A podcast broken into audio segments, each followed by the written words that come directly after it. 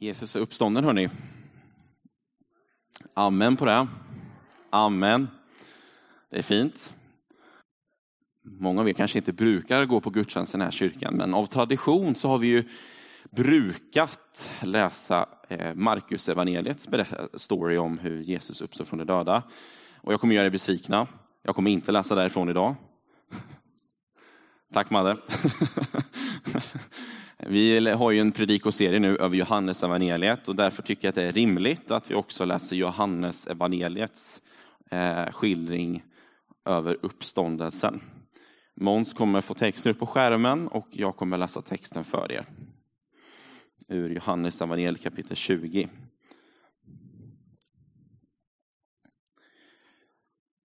Tidigt på morgonen efter sabbaten Medan det ännu var mörkt kom Maria från Magdala ut i graven och fick se att stenen för ingången var borta. Hon sprang genast därifrån och kom och sa till Simon Petrus och den andra lärjungen, den som Jesus älskade.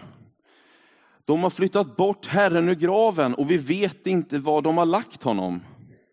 Petrus och den andra lärjungen begav sig då ut i graven. De sprang båda två men den andra lärjungen sprang fortare än Petrus och kom fram först i graven. Han lutade sig in och såg linnebindlarna ligga där, men gick inte in. Simon Petrus kom strax efter och han gick in i graven. Han såg bindlarna ligga där, liksom duken som hade täckt huvudet, men den låg inte tillsammans med bindlarna utan hoprullad på ett ställe för sig. Då gick också den andra lärjungen in, han som hade kommit först i graven, och han såg och trodde. Ännu hade de nämligen inte förstått skriftens ord, att han måste uppstå från de döda. Lärjungarna gick sedan hem igen. Men Maria stod och grät utanför graven. Gråtande lutade hon sig in och fick då se två änglar i vita kläder sitta där Jesu kropp hade legat, en vid huvudet och en vid fötterna. Och de sa till henne, varför gråter du kvinna? Hon svarade, de har flyttat bort min herre och jag vet inte var de lagt honom. När hon hade sagt det vände hon sig om och såg Jesus stå där. Hon förstod inte att det var han. Jesus sa till henne, varför gråter du, kvinna? Vem letar du efter? Hon trodde att det var trädgårdsvakten och svarade, om det är du som har burit bort honom, Herre, så säg mig var du har lagt honom, så att jag kan hämta honom. Jesus sa då till henne, Maria. Hon vände sig om och sa till honom, Rabuni! Det är hebreiska och betyder mästare. Jesus sa, rör inte vid mig, jag har ännu inte stigit upp till min fader. Gå till mina bröder och säg till dem att jag, eh, och säg dem att jag stiger upp till min fader och er fader, min Gud och er Gud. Maria från Magdala gick då till lärjungarna och talade om för dem att hon hade sett Herren och att han hade sagt detta till henne. Vi ber en bön. Jesus, så vill jag bara be. Tacka dig för den här texten. Jag ber att eh, din heliga Ande skulle leda. Att eh, orden som kommer nu skulle få träffa rätt. Jag ber att orden skulle komma från dig. Och jag ber att orden som sägs här idag skulle få väcka tro i våra hjärtan. Jag vill be så i Jesu namn. Amen. Eh, Johannes beskriver påsken, eller påskdagen något annorlunda än de andra evangelierna. Det finns två tydliga skillnader som jag upptäckte. Den ena skillnaden är att eh, det är Maria, att det är endast Maria från Magdala som hittar eh, den tomma graven. I de andra evangelierna så är det två kvinnor. Den andra skillnaden är att fokuset i Johannes evangeliet läggs vid att eh, Petrus och lärjungen som Jesus älskade sprang mot den tomma graven. Den betoningen eller den skildringen framkommer inte heller i synoptikerna, det vill säga Matteus, Markus och Lukas. Och jag tror personligen att det är ganska enkelt förklarat. Eh, jag tror att Johannes medvetet att bara ha med Maria från Magdala eftersom att det är hon vi senare får läsa om i skildringen. Det är helt enkelt enklare så rent litterärt att bara introducera en person. För andra så tror jag att Johannes lägger stor vikt vid att Petrus och lärjungen som Jesus älskade sprang mot graven eftersom att det var han själv som sprang mot graven. Det var typ, jag kan tänka mig att han skrev det här utifrån ett jag-perspektiv, att han själv berättade om att han sprang mot graven. Och på så sätt så ger det trovärdighet åt hans egna berättelse eftersom att det var han själv som sprang dit. Budskapet som eh, lärjungarna får höra av eh, Maria från Magdala är enkelt och förkrossande. De har flyttat bort Herren ur graven och vi vet inte var de har lagt honom. Vi kan notera att den första reaktionen som lärjungarna och Maria för den delen, eh, eller den första reaktionen hos dem var att någon hade stulit kroppen. Inte att Jesus var uppstånden. Det här är ju förstås, jag, jag tycker att det är en, spontant en väldigt rimlig utgångspunkt. Jag vet inte om det hur det är med er, men jag brukar inte se döda människor uppstå hur som helst. Ehm, ja, de hade förvisso sett Jesus uppväcka folk ifrån de döda. Men nu var ju han död. Vem skulle då uppväcka honom? Det här också med att enskilda människor skulle uppstå hur som helst, det gick emot gängse judisk tro. Eh, man tänkte sig att eh, kroppens uppståndelse skulle ske på den yttersta, yttersta dagen, alltså för att låna gamla testamentets språk, Herrens dag, alltså det som skulle ske i framtiden, när väl världen var ute. Alltså det var liksom den sista dagen, liksom, ska man säga. Spontant så tänker jag mig att det inte ingick i deras vildaste fantasi att Jesus skulle uppstå. För det ingick liksom inte hur de förstod världen eller hur hon förstod Gud.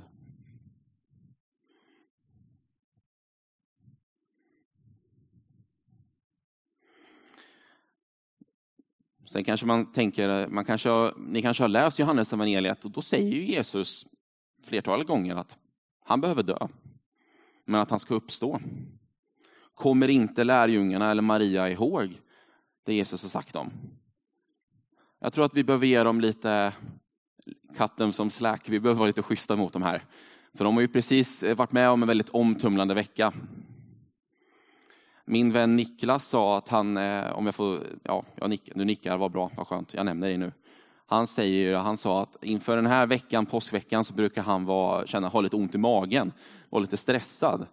Eh, och om han blir stressad 2000 år senare, så kan vi bara tänka oss hur lärjungarna hade upplevt saken. I början på veckan så upp, upphöjs Jesus som kung när han rider in i Jerusalem. Några dagar senare så korsfäst han. Det är liksom en 180 graders eh, omvändning så att säga i situationen, i livet. De var fortfarande i chock, kan man säga. Och kanske hade den här chocken börjat lägga sig lite till sorg och rädsla för vad som skulle hända. Det står så här lite precis eh, direkt efter det vi nu har läst. På kvällen samma dag, den första veckan, satt lärjungarna bakom reglade dörrar av rädsla för judarna. Och den här eh, rädslan får då uttryck av en till förkrossande nyhet, där de konstaterar att kroppen är borta. Ana chocken. Är det verkligen så konstigt att de inte kommer ihåg det Jesus har sagt om återkommande gånger under tre års tid? Men jag tror personligen att för att förstå liksom vad eh, jag tror att för att förstå liksom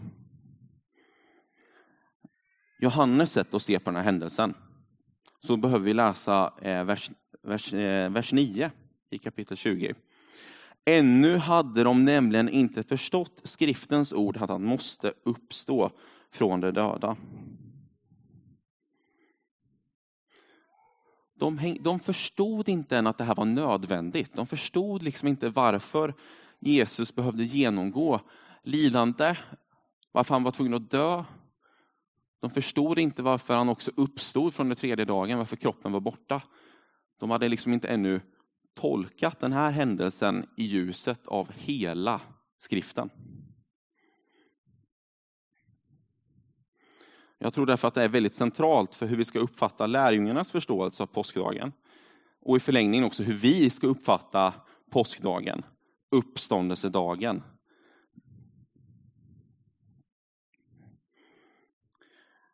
Vi, jag tänker mig att vi behöver förstå den här dagen i ljuset av hela Bibeln, i ljuset av Gamla Testamentet.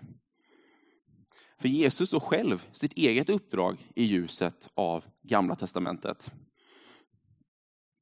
I Lukas evangeliet 4 så står han inför människor i synagogan och läser ur Jesaja bok. Där han säger att Herrens ande är över mig, ty han har smort mig till att frambära ett glädjebud åt de fattiga. Han har sänt mig att förkunna befrielse för de fångna och syn för de blinda och att ge förtryckta frihet att förkunna ett nådens år från Herren. Och därefter så säger Jesus att, eh, väldigt tydligt att detta ord har nu gått i uppfyllelse.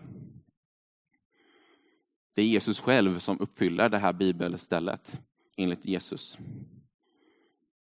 Eller som Jesus också säger i bergspredikan, tro inte att jag har kommit för att upphäva lagen eller profeterna. Jag har inte kommit för att upphäva, utan för att uppfylla. Och när evangelierna själva liksom berättar eh, stories om liksom vad, vad Jesus har sagt eller vad Jesus gör, så inte sällan så säger de just det här, som skriften säger. Eller för att vara extra övertydlig. Alltså, i Lukas 24 så är det två vandrare som inte känner igen den uppståndne Jesus och som liksom är chockade över det som har hänt. Och då får, en, får Jesus då eh, förklara för dem vad som har hänt.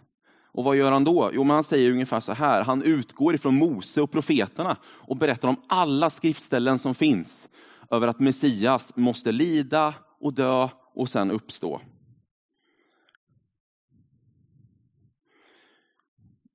Vad är det jag vill ha sagt? Nej, men Jesus är inte lösryckt ifrån den bibliska historien. I själva verket så är korset och i förlängningen den tomma graven kärnan, själva centrum för Guds stora frälsningsplan om hur Gud väljer att rädda en förlorad värld. Hur Gud vill att upprätta en trasig värld. Och för oss personligen, hur Gud väljer att göra en väg för dig och mig som leder oss hela vägen hem till Fadern.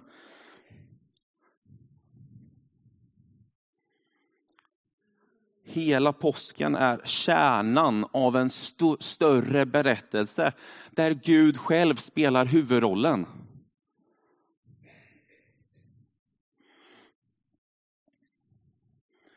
Poängen är, och den här kan skava för vissa av oss här inne, det är att det är samma Gud som vi kan läsa om i Gamla Testamentet.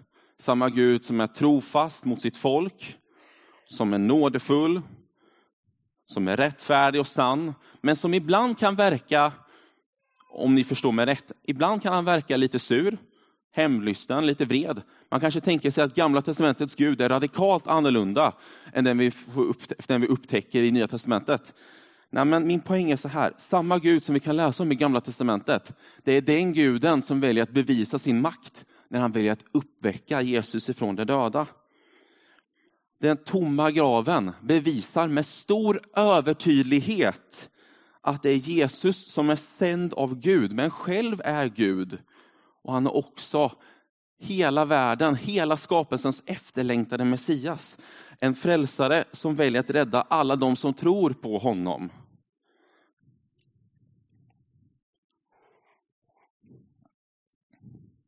Men till en början så trodde ju Petrus och Johannes Maria från Magdala. Någon hade stulit kroppen. Eh, de sprang till graven. Johannes kom först, men vågade inte riktigt gå in. Petrus gick in och såg lindetygen som omslöt kroppen ligga övergivna. Johannes gick också in. Och han såg och han trodde.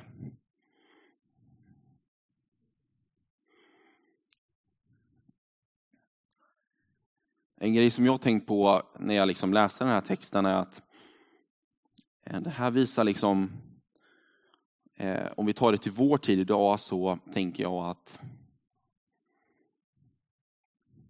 vikten av att verkligen försöka urskilja vad Gud gör i vår värld. Det kan ibland inte vara övertydligt eller enkelt, men vi behöver faktiskt på, vi behöver faktiskt liksom, vi behöver faktiskt eh, lära oss att på något sätt urskilja, på något sätt försöka förstå vad det är som faktiskt Gud gör. Eh, för Gud verkar alltid. Gud verkar nu, han verkar i sin skapelse, han gör saker mitt ibland oss. Även om det inte alltid känns så, även om det inte alltid syns, så gör han det. Och någonstans så behöver vi öva oss i att urskilja vad Gud gör. Vi behöver lära oss att urskilja vad Gud gör runt omkring oss. Och det kanske är lätt, tänker du, för, det kanske är lätt, tänker du, för, dem, för Petrus och Johannes att tro på uppståndelsen eftersom att de såg graven. Och annat är det för oss idag kanske du tänker, för vi kan inte liksom se Jesus, vi kan liksom inte se den tomma graven. Och absolut, här så behöver man på något sätt ha, alltså det är ju någonstans en trosfråga någonstans, alltså vad du väljer att sätta din tillit till. Men jag vill på något sätt väcka en tanke om att du behöver inte lämna förnuftet i papperskorgen bara för att du tror på Jesu uppståndelse. I själva verket så är källäget för den, den tomma graven häpnadsväckande bra. För att kunna veta att ens graven var tom så behöver vi veta att den från, från början var liksom gravsatt, eller hur? Eh, den nytestamentliga forskaren vid Trinity College i Cambridge, som i och för sig numera är död, men hans, eh, det han kommer fram till är fortfarande lika relevant. Han heter i alla fall John A.T. Robinson. Han konstaterar att gravsättningen är ett av de tidigaste och mest säkra fakta vi har om Jesus. Den stora frågan är därför egentligen, hur tolkar vi den här berättelsen? Förstår ni min poäng? Hur urskiljer vi vad Gud har gjort här? Idag så är det ju väldigt vanligt att precis som Petrus och Johannes och, och Maria för den delen, tänka sig att kroppen var stulen av någon. Det återkommer inte, inte särskilt, eh, det kommer, återkommer ganska ofta liksom när man har liksom samtal och om man liksom följer diskussioner liksom mellan olika forskare. Så är det ganska vanligt att tänka sig att kroppen var stulen. Men den här underskattar ju också, det här underskattar ju de romerska soldaterna som var elitsoldater, de var proffs på att eh, liksom, slåss. Eh, alltså så här, det är ju att övermanna de här vakterna med våld och stjäla en kropp och bära runt på den här obemärkt i den stora staden Jerusalem.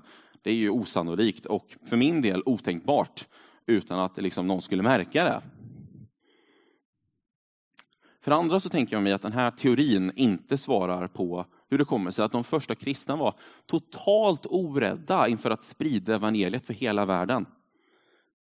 Och offrade sina liv för evangeliets skull. Forskaren Edward Ellis säger därför att det är osannolikt att de tidiga kristna skulle börja förkunna uppståndelsen utan en tom grav. Det, är dessutom, det går ju emot, som jag sa, judisk tro. Det förklar, alltså, att, ha, att liksom predika uppståndelsen utan att liksom ha en uppstånden Jesus är därför osannolikt och otänkbart. En annan teori som man brukar nämna är att ja, men lärjungarna masshallis, fick en, fick en masshallucination. De liksom fick en, de alla liksom fick visioner och på något sätt liksom övertygades därför om att Jesus uppstod. typ. Men grundläggande psykologi säger ju att det är omöjligt att Ah, så många hundra människor som var vittnen till uppståndelsen framkommer i evangelierna. Det är omöjligt att de flera hundra människorna fick det samtidigt. Oftast är ju en, hallucination eller någonting, det är ju personligt. Det är otänkbart att alla vi här inne skulle ha samma hallucination och liksom se samma sak. Det går emot vetenskap, allt vad vetenskapen säger. Så kvar blir vi med påståendet att graven är tom. Det är osannolikt att, graven blev eller att kroppen blev stulen. Det är, det är ologiskt att alla skulle på något sätt få visioner som, överens, som var, liksom var samstämmiga och överensstämmande. Det mest rimliga, tänker jag mig, är därför att Jesus faktiskt uppstod ifrån de döda. För mig så blir det rimligt att tro på, för det verkar vara den mest det verkar, mest, det verkar faktiskt förklara de mest basala och enkla fakta vi har om Jesus som vi hittar överhuvudtaget. Det verkar förklara hur det kommer sig att män, flera hundra människor vill att offra sina liv och återkommande liksom, lida, återkommande få liksom, glåpord och förföljelse. Ja, men förklara bevisen bäst. liksom. Och för mig, min egen erfarenhet är att just de här, den här upptäckten som jag gjorde när jag var liksom så här, gick på gymnasiet, det var det som liksom gjorde så att jag blev genuint rotad i tron. Det på något sätt gav grund och på något sätt en rot för att ja, men det jag upplevde av Gud faktiskt är sant, för att det har hänt i verkligheten.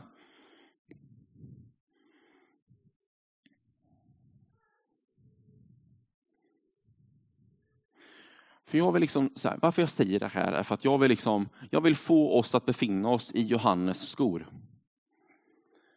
Han ser bevisen framför sig. Han hör, han har liksom, kanske komma, vem vet, kanske kommer han ihåg vad Jesus har sagt honom. Han har hört, han ser bevisen och han trodde.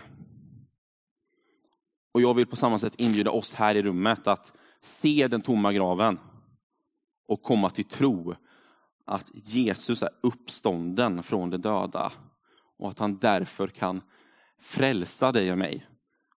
Kan fylla dig och mig med sin heliga ande och göra så att vi blir mer lika Kristus.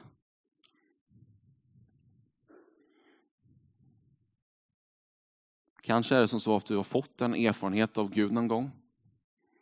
Kanske är det som så att du som jag liksom kollat på källäget på vad forskningen säger och ändå liksom, du, du vill liksom ha någonting, du har ändå liksom inte urskiljit än att det är Gud som har gjort någonting, att det, att det faktiskt är sant att Jesus är uppstånden och att det därför kan förändra allt. Du liksom inte har förstått det än. Du kanske precis som Maria är förtvivlad över någonting i ditt liv. Du kanske genomgår någonting just nu som är jobbigt och mörkt. Jag tror att eh, jag tror att du finns här inne idag som eh, behöver ett personligt tilltal från Gud och jag tror att han är beredd att ge det. Jag tror verkligen det. Jag tror att du kanske sitter där och liksom längtar efter det och då vill jag liksom, jag tror verkligen att Jesus kan, precis som han säger till Maria, han, han säger ett personligt tilltal, han säger Maria och då förändras liksom allting. Och jag, vill liksom, jag tror verkligen att Jesus verkligen vill möta oss här idag. Jag vill att han vill ge ett personligt tilltal i dig och på något sätt väcka tro i dig. Så jag vill verkligen inbjuda dig att verkligen lyssna in här. Och är det som så att du inte upplever det så säger jag det till dig direkt. Som jag sa, jag tror verkligen att Jesus vill möta dig idag. Jag tror verkligen att den uppståndne Jesus vill, liksom vill fylla, fylla ditt inre med allt vad han är och med allt vad han liksom har beredd att ge. Jag tror att den helige Ande vill flytta in i ditt hjärta och verkligen väcka tro i dig. En tro som för, förmår förvandla hela, våra, hela vårt inre en tro som har kraft att, och som förmår att förvandla hela vår värld. Någonstans så tror jag att jag tror verkligen att Jesus vill möta dig personligt här idag. Vad leder det här oss till då, mot slutet? Att graven är tom innebär att eh, Jesus är uppståndelsen och livet. Som man faktiskt säger till Maria från Magdala i Johannes 11. Rent konkret innebär att den som tror på Jesus kommer leva om han än dör.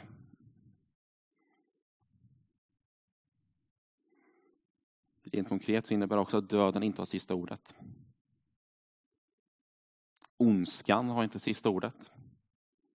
Människan har definitivt inte sista ordet. De makter som finns i vår omgivning kan vara andliga eller politiska som vill göra anspråk på våra liv och som vill att vi ska följa dem. De har heller inte sista ordet. Även om det ibland kan märkas så. Den enda som har gett sant och fullt ut sista ordet är Jesus. För han besegrade döden. Vi behöver därför inte vara rädda, för han är uppståndelsen och livet. Och om vi tror på honom så kan vi leva om vi än dör. Så därför vill jag att vi behöver påminna oss gång på gång om den tomma graven. Vi behöver lära oss att ständigt bekänna Kristus som uppstånden. Även om vi inte känner för det, Även om hela livet liksom hånskrattar oss i ansiktet, så behöver vi påminna oss och trotsigt bekänna Jesus som uppstånden.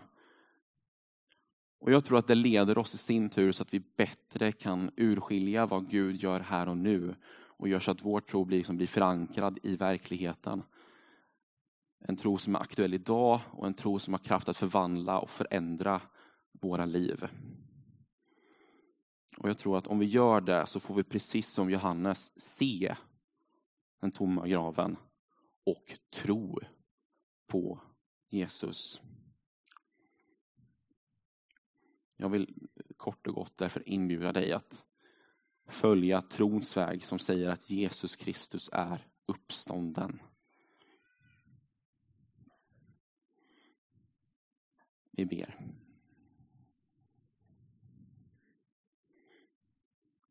Ja, Herre Jesus, jag kommer inför dig och vill bara tacka dig och liksom tacka dig för att du har kraft att liksom förändra våra liv och du har kraft att möta oss med den helige Ande. Tackar dig för att du är uppstånden. Och någonstans så tackar jag också för att det är en tro som på något sätt är en tillit som liksom förankras i någonting. Förankras i verkligheten, någonting vi kan se. Någonting som vi kan tro på. Jag ber att det skulle vara någonting som verkligen får slå rot i våra hjärtan. Jag ber att det skulle få leda till en ökad frimodighet hos oss. Som leder till att vi precis som lärjungarna till slut förstod att du faktiskt gjorde det du gjorde. Och leder till att vi liksom ger det budskapet vidare. Tackar dig för att du är ljus och för att du är liv. Och jag ber att det livet skulle få forma oss. Så att vi, får, så att vi blir än mer lika dig och gör så att vi följer dig än mer och än mer djupare. Eh, ja, jag vill liksom be dig i Jesu namn. Amen.